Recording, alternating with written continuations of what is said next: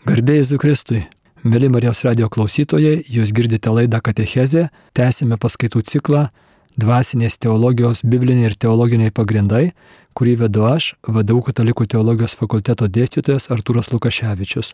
Užbaigėme mūsų peržvalgą 12 žingsnių anoniminių alkoholikų ar kitų priklausomybių gydime. Matėme, kad tie žingsniai stovi ant biblinio krikščioniško pagrindo, kad jie efektyviai gydo priklausomybės.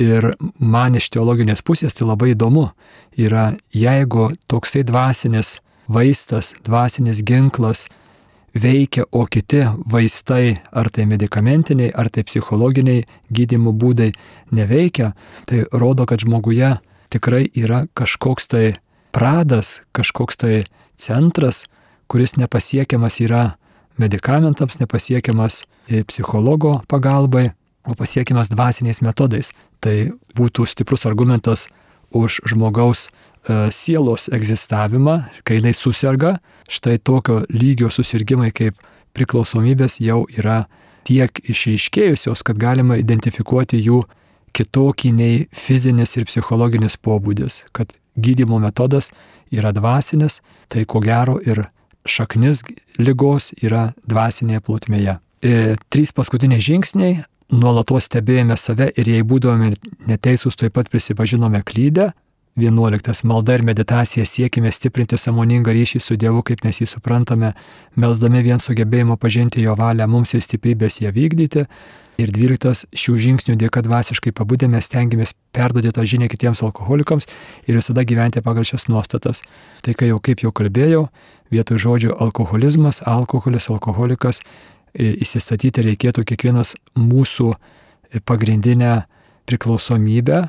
Visi turime tų priklausomybių, labai sveiki, psichiškai, dvasiškai žmonės gal tokių ryškių neturi, bet visi susidurėme su pykčiu, stresu, nepasitenkinimu, kitų kontroliavimu, dideliu nerimu, kas bus. Ir tai dažniausiai yra susiję taip pat ir su tam tikromis elgesio priklausomybėmis. Kaip prisimenate, priklausomybės būna dviejų rūšių - cheminės ir elgesio. Taigi, e, trys paskutiniai žingsniai kalba apie palaikymą, apie tolesnį programos įsisavinimą. Dešimtasis labai artimas mūsų katalikiškajai vakaro sąžinės sąskaitos peržvalgai. E, vienuoliktasis apie nuolatinį maldos ir dvasinio skaitimo reikalingumą, žodis meditacija neturėtų mūsų klaidinti, tai nėra rytietiškos kilmės terminas, jisai labai senas krikščioniškas terminas, lekcijų divina, vienas iš etapų yra meditacija, tai yra e, šventojo rašto arba kito dvasinio teksto apmąstymas. Tai yra įprastas e, katalikiškas dvasinis gyvenimas. Ir dvyliktas žingsnis, prie kurio dabar staptelsiu ilgiau, susideda iš tokių trijų dalių. Pirmoji dalis šių žingsnių dėka dvasiškai pabudė, raktinė frazė. Šių žingsnių dėka dvasiškai pabudė. Antroji, mes stengiamės perduoti tą žinę kitiems alkoholikams, kitiems kenčiantiems. Ir trečioji, visada gyventi pagal šias nuostatas. Taip išsidėlioja šitą paskutinį žingsnį. Dabar žvilgtelkime su nuostata E, norėjimo pasimokyti, mes krikščionys katalikai e, tikrai turim daug ką pasimokyti iš anoniminių alkoholikų, kaip mums patiems ta tuos turtus, kurie yra tie patys kaip ir 12 žingsnių principai, kaip mums tuos bažnyčioje esančius turtus tinkamiau įgyvendinti, tinkamiau jais gyventi. Taigi šių žingsnių dėka dvasiškai pabudę yra drasus e, teiginys. Ir vėlgi, kadangi ta programa buvo kurta ne kabinete, ne teoriškai, o praktiškai ant savo kailio e, įgyventinant ir ieškant išeities nuo e, baisaus likimo, tie žmonės, kurie kūrė šitą programą, jiems iš esmės buvo trys vietos, kaip jie patys sako, reiškia, jiems mūsų laukia trys vietos - arba kapinės, arba kalėjimas, arba beprotnamis. Štai tokia perspektyva, tokios perspektyvos akivaizdoje, jie iš paskutiniųjų griebėsi už e, visų įmanomų galimybių, grėbėsi už šiaudo ir labai rimtai tas galimybės įgyvendino, labai rimtai dirbo. Šito vietoje jums noriu priminti seną e, katalikišką požiūrį į atgailą. Bažnyčia atgailą mato kaip dviejų rūšių. Yra tobula atgaila, kai atgailoju už savo nuodėmės ir blogybės iš meilės Dievui. Tai yra dėl to, kad savo nuodėmėmis atstumiau Dievo meilę ir jį įžeidžiau. Tokį gerą, mylinti Dievą aš įžeidžiau ir dėl to gailiuosi. Tai šita tobula atgaila yra labai vertingas dalykas, tačiau e, jai pasiekti, daugumai žmonių jai sudėtinga ją pasiekti. Tai reikalingas didelis dvasinis jau bagažas. Šventieji gebėdavo šitą atgailą patirti. Daugumai iš mūsų reikalinga pagalba ir tada yra antroji atgailos forma, tai yra netobula atgaila, kai žmogus gailisi dėl to blogio, kurį savo padarė, savo nuodėmė susitraukdamas dvasinės kančias ir dvasinę savo nuodėmė susitraukdamas dvasinės kančias ir pražūtį. Ir štai ta patirtis, ta baisumas tos tautų kančių ir pražūties paskatina jį gailėtis ir keisti savo gyvenimą. Kai aš žvelgiu į tuos pirmuosius žmonės, kurie sukūrė 12 žingsnių, man atrodo, kad jie patenka į šitą netobulos atgalos kategoriją.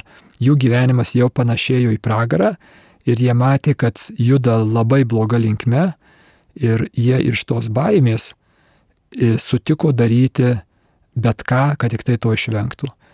Kai jiems buvo pasiūlyta šitie 12 e, žingsnių, 12 principų, aišku, patys kuriejai tuos žingsnius ir sukonstravo ir juos įgyvendino ant savo paties pačių kailio ir kai jiems suveikė, tada jau jie dalinosi su kitais, e, tai jie tuos žingsnius dirbo visų uolumu.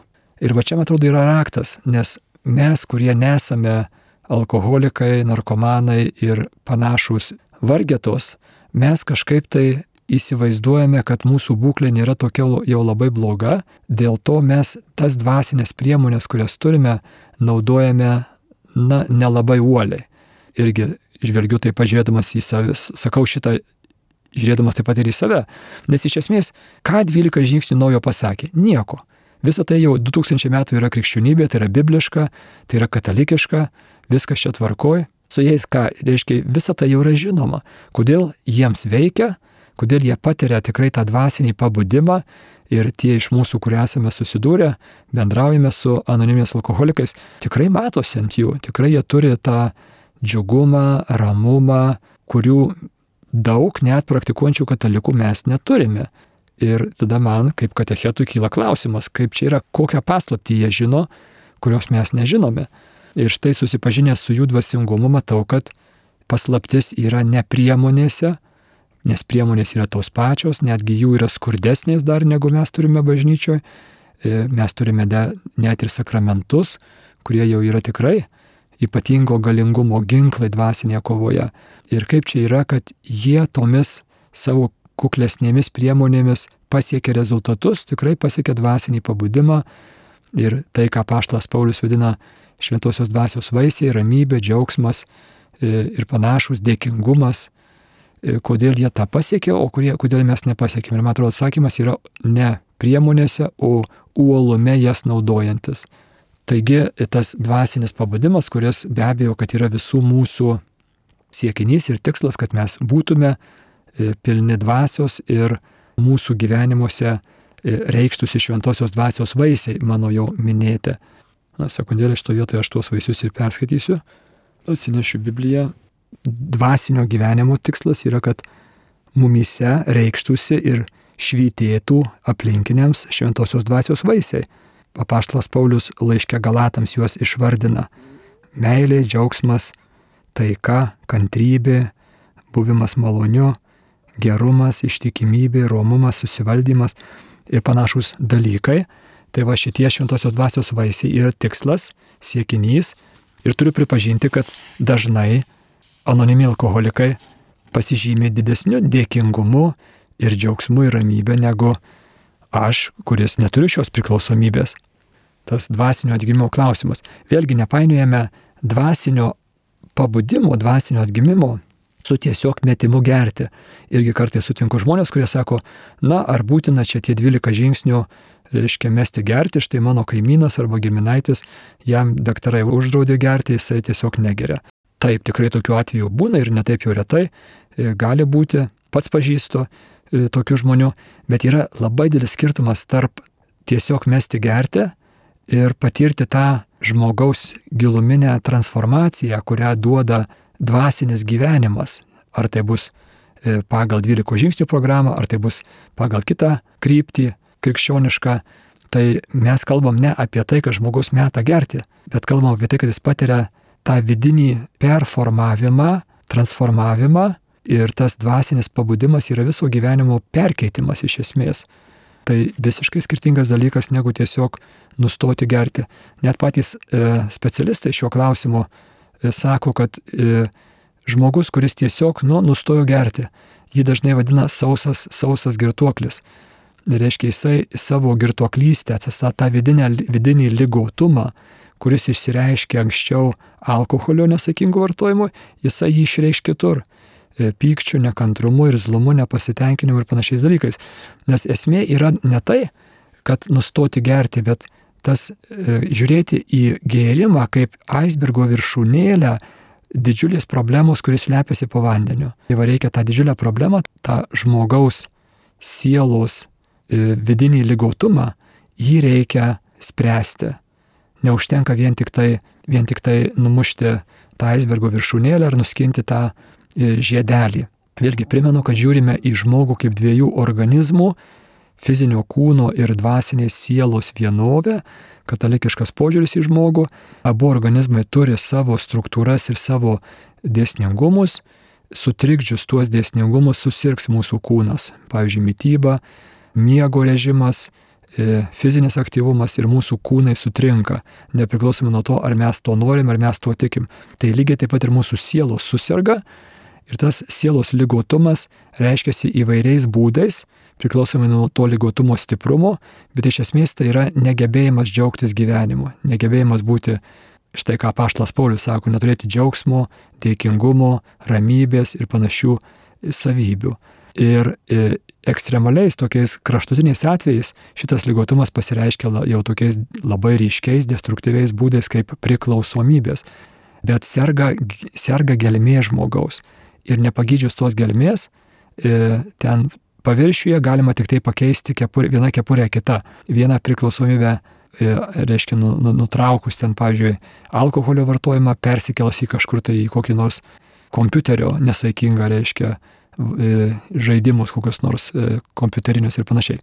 Tai reikalingas tas giluminis požiūris ir jie kalba šitame dvyliktame žingsnėje, jau kalba apie tą giluminį pasikeitimą, tą dvasinį pabudimą, pradėjimą gyventi dėkingo, ramaus, džiaugsmingo gyvenimo. Šitos savybės, lygiai taip kaip ir šventajame rašte, taip ir dvylikoje žingsnių, yra būtent tos savybės, kurios būtinai reikalingos siekiant skleisti gerąją naujieną, perduoti tą žinią kitiems kenčiantiems, kaip jie sako, alkoholikams, o mes galime vietoj žodžio alkoholikams įsidėti žodį nuodėmoholikams. Tie, kurie kenčia nuo kitų nesaikingų, netvarkingų, destruktyvių prisirišimų ir mes visi tokie esame, kadangi esame puolę žmonės, kadangi esame nuo Dievo atsiskyrę ir savo sielas sužeidę nuodėmėmis, kaip sako katalikų bažnyčios katekizmas. Ir tada tas žaizdas sielos, jos išsigydo ne taip greitai, užtruks laiko, reikalingas tas gilus vid, vidinis e, transformavimas.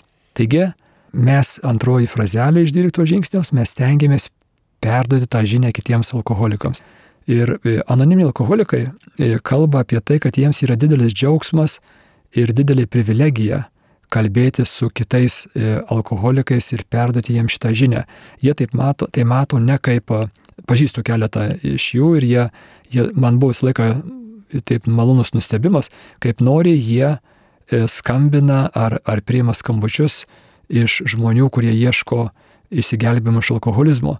Ir aš supratau, jie padėdami kitiems patys savo viduje giliau prieima šitą dovaną, šitą gydimą. E, žodžiu, jiems yra didelis asmeninė dovana ir sustiprinimas ir atgaivinimas kalbėti su kitu.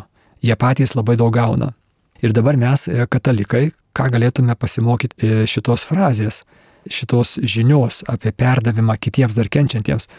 Tai bažnyčia paskutinius 50 metų visais įmanomais būdais, visi popiežiai, daugybė dokumentų apie evangelizaciją kalba apie tai, kad katalikai turime pareigą e, skelbti gerąją naujieną apie Jėzaus dovanojamą išgelbėjimą ir gyvenimo pavyzdžių, bet ir žodžiu.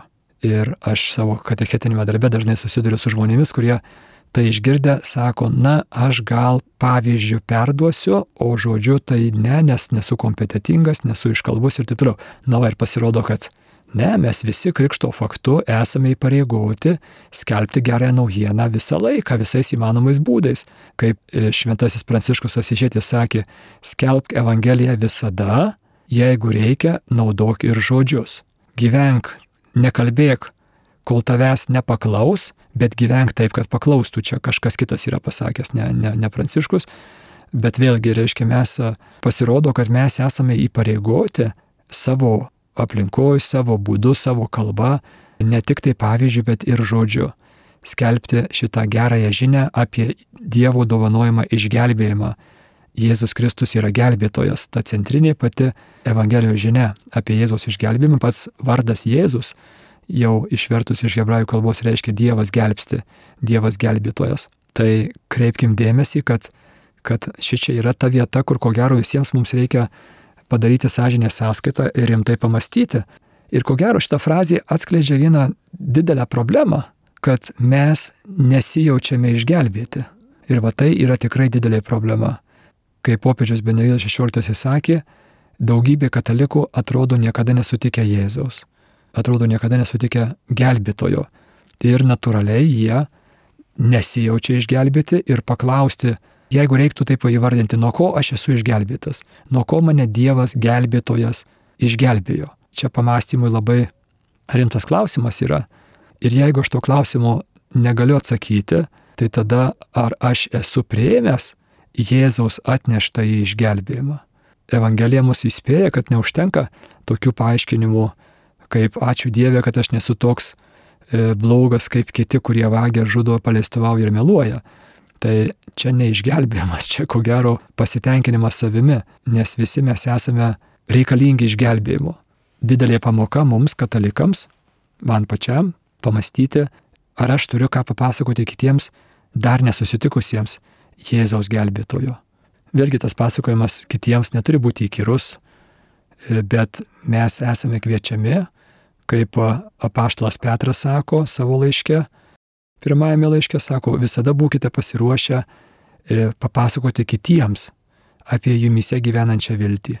Taigi gebėjimas kitiems papasakoti apie savo susitikimą su Jėzumi ir gyvenimą su juo kaip gelbėtoju e, būtų labai svarbus, svarbus gebėjimas, kurį mes katalikai turėtume atgaivinti, kaip Jonas savo prieškime sako atgyvinti pirmąją meilę arba tiem, kurie atpažįstame, jog stokojame tos meilės iš viso, prašyti, kad Dievas parodytų man, kad aš patirčiau Dievo atneštą išgelbėjimą, nes tam Jėzus ir mirė ant kryžiaus, kad aš būčiau išgelbėtas ir gyvenčiau išgelbėto žmogaus gyvenimą. Ir pagalvokime, žmogus, kur, pavyzdžiui, patyrė laivo sudužimą ir skendimą, kokio Titaniko ar kokio kito ir jam pavyko įsigelbėti. Kaip turėtų tas įvykis nuspalvinti visą likusį jų gyvenimą? Ko gero, kiekvieną rytą jisai prabudęs, pirmoji mintis turėtų būti, juk aš galėjau šito ryto neturėti. Tai yra dovana. Tai va, iš šito buvimo išgelbėto kyla dėkingumas, e, visai kitas požiūris į gyvenimą, tai panaikina nepasitenkinimą, kad, kad aš kažko tai neturiu, kažkas ne pagal mano įgėdžius, yra tiesiog tu tos dienos gali visai neturėti ir visų dienų gali neturėti. Tai va kaip, kaip čia mums tą atpažinti, tą buvimo išgelbėto dovaną. Jėzus yra gelbėtojas, jisai beldžiasi į kiekvieną mūsų širdies duris. Štai aš stoviu už durų ir beldžiu, jei kas išgirs mane, atidarys duris, apriškime Jonui. Jėzus sako, ar nėra taip, kad nemažai daliai iš mūsų būtų naudinga šituo keliu reiti, įsiklausyti į Jėzaus gelbėtojo beldimą atidaryti duris ir būti išgelbėtiems, kad turėtume kuo toliau pasidalinti su kitais. Tai tas žinios perdavimas e, yra esminė dalis anoniminių alkoholikų programoje ir be abejo mums labai svarbi e, žinia katalikams, kurie tikrai šitoje srityje e, dažnai stokojame aktyvumo. Nežiūrint to, kad bažnyčios dokumentai ir paskutiniai keturi popiežiai ir turbūt ir, ir anksčiau popiežiai šitą pabrėždavo, kažkaip tai tas pasyvumas mums yra labai jau būdingas. Paskutinė frazelė iš 12 žingsnio - visada gyventi pagal šias nuostatas. Vadinasi, ta išgelbėto žmogaus širdis, ta dėkinga širdis, kuri supranta, kad gyvenimas yra dovana, o ne savaime suprantamas dalykas. Nėra savaime suprantama tai, kad aš turiu rankas ir kojas, kad e, gyvenu taikioje situacijoje, galiu dirbti mėgstamą darbą, turiu artimuosius ir toliau. Va čia ta didžiulė bėda, aš, aš tą kažkaip tai nežymiai po truputį linkęs priimti kaip man priklausančius dalykus. Ir tai yra didžiulė klaida. Man nieks nepriklauso. Viskas yra dovana. Ir va tas pabudimas šitam faktui ir būtų, reiškia, žmogaus esminis, giluminis išgydymas. Ir tada jau tą žinią skleisti kitiems aplinkiniams yra natūrali laikysena. Ir tada visada gyventi pagal šias nuostatas, tai yra tą išgelbėjimo džiaugsmą nukelti į visas savo gyvenimo sritis. Ne tik tai tuo metu, kai melčiuosi, arba dalyvauju mišiuose, arba dar kažką tai skaitau šventą raštą, bet šitas nuostatas turiu nukelti į savo kasdienybę, savo e, darbą, savo verslą, savo bendravimą namuose, su giminaičiais, su svetimais žmonėmis ir taip toliau. Ir geroji naujiena, Jėzaus išgelbėjimas turi apimti mane visą, visas mano gyvenimo sritis. Ir kai tą darau, pamatau, kad mano gyvenime dar pilna yra kambarių ir užkaborių, kuriuose yra nuoskaudų, pykčio, nepasitenkinimo, irzlumo, nekantrumo ir kitų tikrai e, ne šventosios dvasios vaisių. Ir va šitos e, nešviesos karalystės kambarius reikia atkovoti Dievui. Ir tai bus viso gyvenimo projektas, nes, nes žmogus, žmogaus širdis yra labai talpi, ten pritalpinta per visą gyvenimą daugybė visokiausių gerų ir blogų dalykų ir išvalyti blogus dalykus e, užtruks daugeliu iš mūsų e, viso gyvenimo ir mes net ir šiam gyvenime neužbaigsim. Tai yra paskui skaistykla, kaip paspartinta meilės treniruočio stovykla, kur bus laužomi mūsų savanaudiški įpročiai, o ūkdomi meilės įpročiai, tam galėtume dalyvauti meilės puotoje danguje. 12 žingsnių paskutinė frazelė - visada gyventi pagal šias nuostatas yra tai, ką e, katalikų bažnyčia vadina nuolatiniu atsivertimu. Patyrę tą dvasinį pabudimą kaip, kaip e, pirminį atsivertimą, e, kaip įtikėjimą, mes esam kviečiami toliau šitą dovaną skleisti pirmiausiai savo gyvenimuose, o paskui ir dovanoti ją aplinkiniams, visada gyventi pagal šias nuostatas. Tai būtų tokia 12 žingsnių apžvalga, kreipiu jūsų dėmesį ir dabar judėsiu toliau į tą po vandeniu slypintį priklausomybių pagrindą. Ta mūsų sergančia siela, kuri ir yra pagrindas alkoholizmui, kitoms priklausomybėms ar iš esmės tam nelaimingam, nedėkingam, nedžiugiam gyvenimui, kurio aplinkui ir e, mumise tiek daug yra. Taigi gėrimo sustabdymas, kaip sako patys alkoholikai, yra tik tai pirmas etapas, pirmas, pirmieji žingsniai yra skirti gėrimo sustabdymui. Tikslas yra tas dvasinis atgimimas, o tai reiškia viso gyvenimo perkeitimas.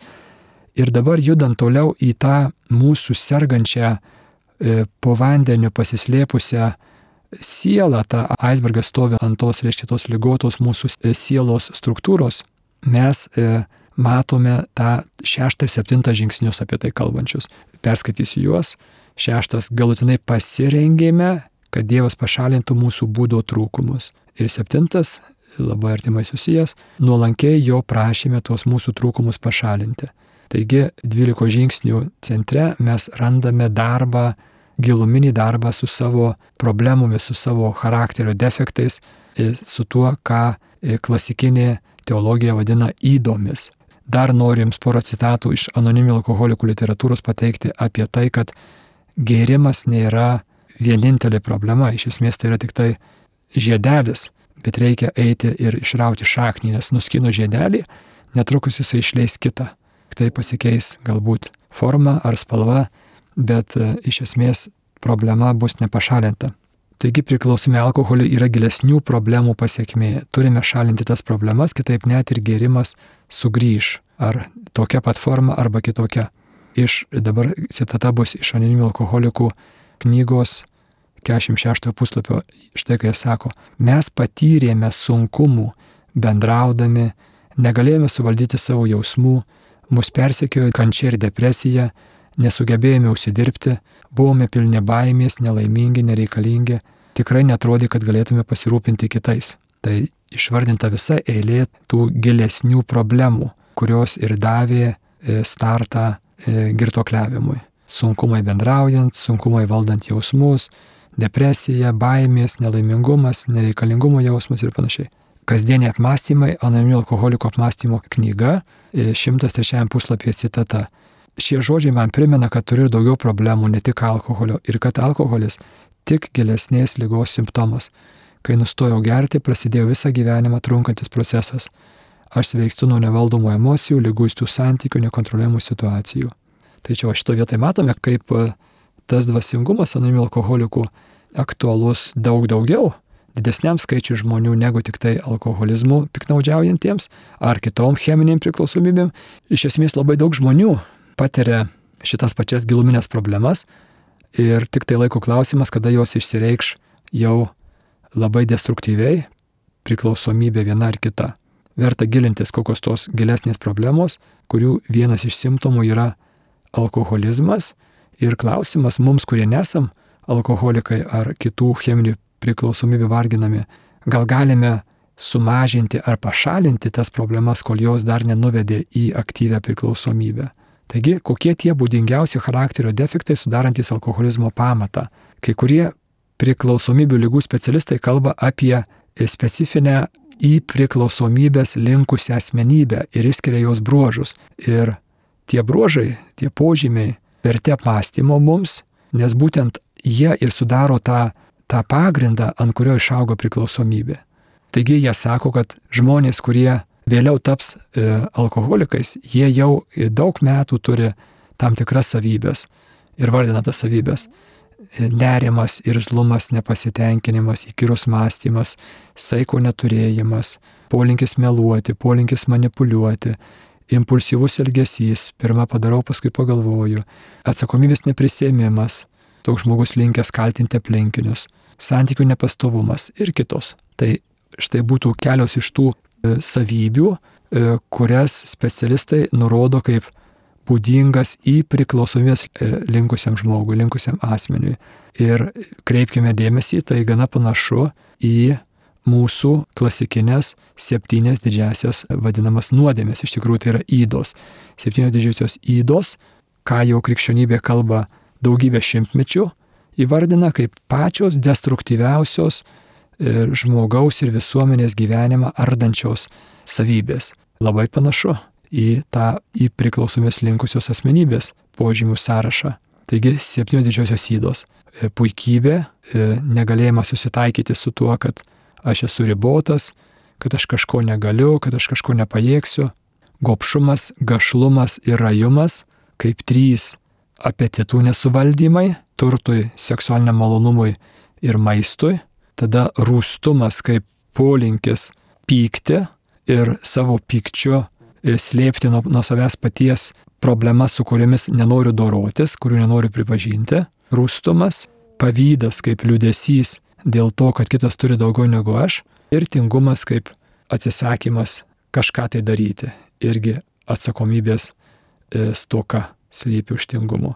Tai štai tos septynios didžiosios įdos, vadinamosios nuodėmės, kurios yra savybės, tam tikros savybės, jos jos griežtąją prasme nėra nuodėmės, nes nuodėmė reikia veiksmo, o ši čia yra polinkis, polinkiai, gopšumas, gašlumas, rūstumas. Ir tie polinkiai realizuojasi per asmenės nuodėmės, per veiksmus, bet tai yra sergančios sielos tendencijos, polinkiai. Ir tokiai sergančiai sielai, einant per gyvenimą, tie polinkiai susiaktyvina, jisai greuna aplinkinius ir save, ypač save. Pirmiausiai save, paskui aplinkinius.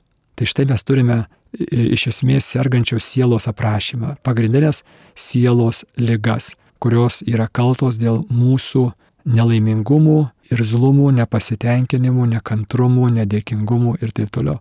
Jeigu aš turiu šitas savybės, leidau jam, joms manyje įsibujoti, tai tokiam žmogui būti laimingam yra labai sudėtinga. Jisai turės tiesiog labai stiprų polinkį traktuoti save kaip nelaimingą, savęs gailėtis, visus kaltinti, savęs matyti kaip vargšę auką, o jeigu aš esu auka, tai dėl mano nelaimingumo aš nieko negaliu padaryti, nes kitų žmonių aš negaliu pakeisti. Ir tokia pozicija žmogaus, ir įsivaizduokime, reiškia, toks žmogus eidamas per gyvenimą, jisai gilina šitą problemą, jo blogi dvasiniai raumenys, tai yra jų, jo polinkis būti gopšiam, piktam, pavydžiam, e, treniruojami stiprėja ir dabar kaip atrodytų tokio žmogaus sielos išgydymas. Įsivaizduokime, toks žmogus nueina iš pažinties, e, atlieka gerą išpažinti. Ir Dievas jam atleidžia, Dievas sugrįžta į jo gyvenimą. Ir vat mes katalikai dažnai e, šičia ir sustojame, kai reikėtų čia tik pradėti. Nes ką reiškia Dievo atleidimas, Dievo gailestingumas? Tai reiškia, kad Dievas pasiruošęs sugrįžti, kai aš jį tik jį pakviesiu. Jisai, jisai prieima mano atsiprašymą ir ateina pas mane ir sako, aš čia, aš esu, čia ir dabar su tavimi, pradėkime dirbti, pradėkime gydyti tavo sielą. Nes tos įdos, tie palinkimai, polinkiai, jie automatiškai nedingsta, nes jie yra įpročiai, mano sielos įpročiai. Ir tie sielos įpročiai turi būti priešingų veiksmų reversuoti, atitreniruoti. Aš turiu savo e, blogo įpročio raumenis silpninti, nedarydamas tų blogų veiksmų, o savo priešingo gero įpročio raumenis stiprinti, darydamas tos veiksmus. Ir tą padaryti bus labai sunku ir tada Dievas sako, būtent Dievo malonė ir yra tame, kad Dievas sako, aš esu čia su tavimi, kad tau duočiau jėgų, duočiau motivaciją, duočiau pagalbą, tave stiprinčiau ir mes pradėsim tavo sielą gydyti. Ir man atrodo, kad mes dažnai mūsų katalikiškoje sielovadoje šitos, šito elemento stokojam. Daug kalbam apie Dievo gailestingumą, bet ne, ne, neteiname iki to gailestingumo panaudojimo. Tas gailestingumas nėra vien tik tai tai, kad Dievas atleidžia nuodėmės. Aišku, tai yra pirmas ir svarbiausias žingsnis, bet toliau reikės eiti ir gydyti sielo žaizdas, kad ta siela taptų įgali gyventi dėkinga, džiaugsminga, ramybės, skaistumo, susivaldymo, e, džiaugimosi gyvenimą. O jeigu siela yra įsitreniravusi priešinga kryptimi, tai Dievo atleidimas yra didis dalykas, bet tik pradžių pradžia. Ir jeigu netesiama, tai tas siela automatiškai grįžta į savo senas įdas, Čia ko gero būtų svarbi praktinė gairė tiems, kurie norėtų pradėti dvasinės ekologijos keliu žengti, kad mūsų dvasinis gyvenimas e, sveikėtų ir mes e, judėtume link apaštalo Pauliaus aprašyto gyvenimo šventosios dvasios vaisiais. Tai yra meilė, džiaugsmas, taika, kantrybė, malonumas, gal buvimas maloniu, tikriausiai paaiškinimas būtų šito žodžio gerumas, ištikimybė, romumas, susivaldymas. Tai štai tas laimingas gyvenimas ir jisai pasiekiamas yra tik tai žmogui bendradarbiaujant su Dievo malonė. Mes norėtume, kad Dievas mus išgelbėtų ir išgydytų kažkaip tai mums nedalyvaujant, nes dalyvavimas yra sunkus, skausmingas, brangiai kainuojantis ir, ir mes tos kainos mokėti nenorime. Mes norim, kad Dievas mus kažkaip išgydytų miegant. Miegame savo ir mes prabundam jau kitokie žmonės. O Dievas sako, ne, Sako, mes turėsim tą kelią eiti kartu. Aš tave stiprinsiu, aš tave vesiu, rodysiu kryptį, bet žengti turėsi tu pats šituo savo blogų įpročių silpninimo ir atsisakymo keliu ir naujo žmogaus formavimo keliu.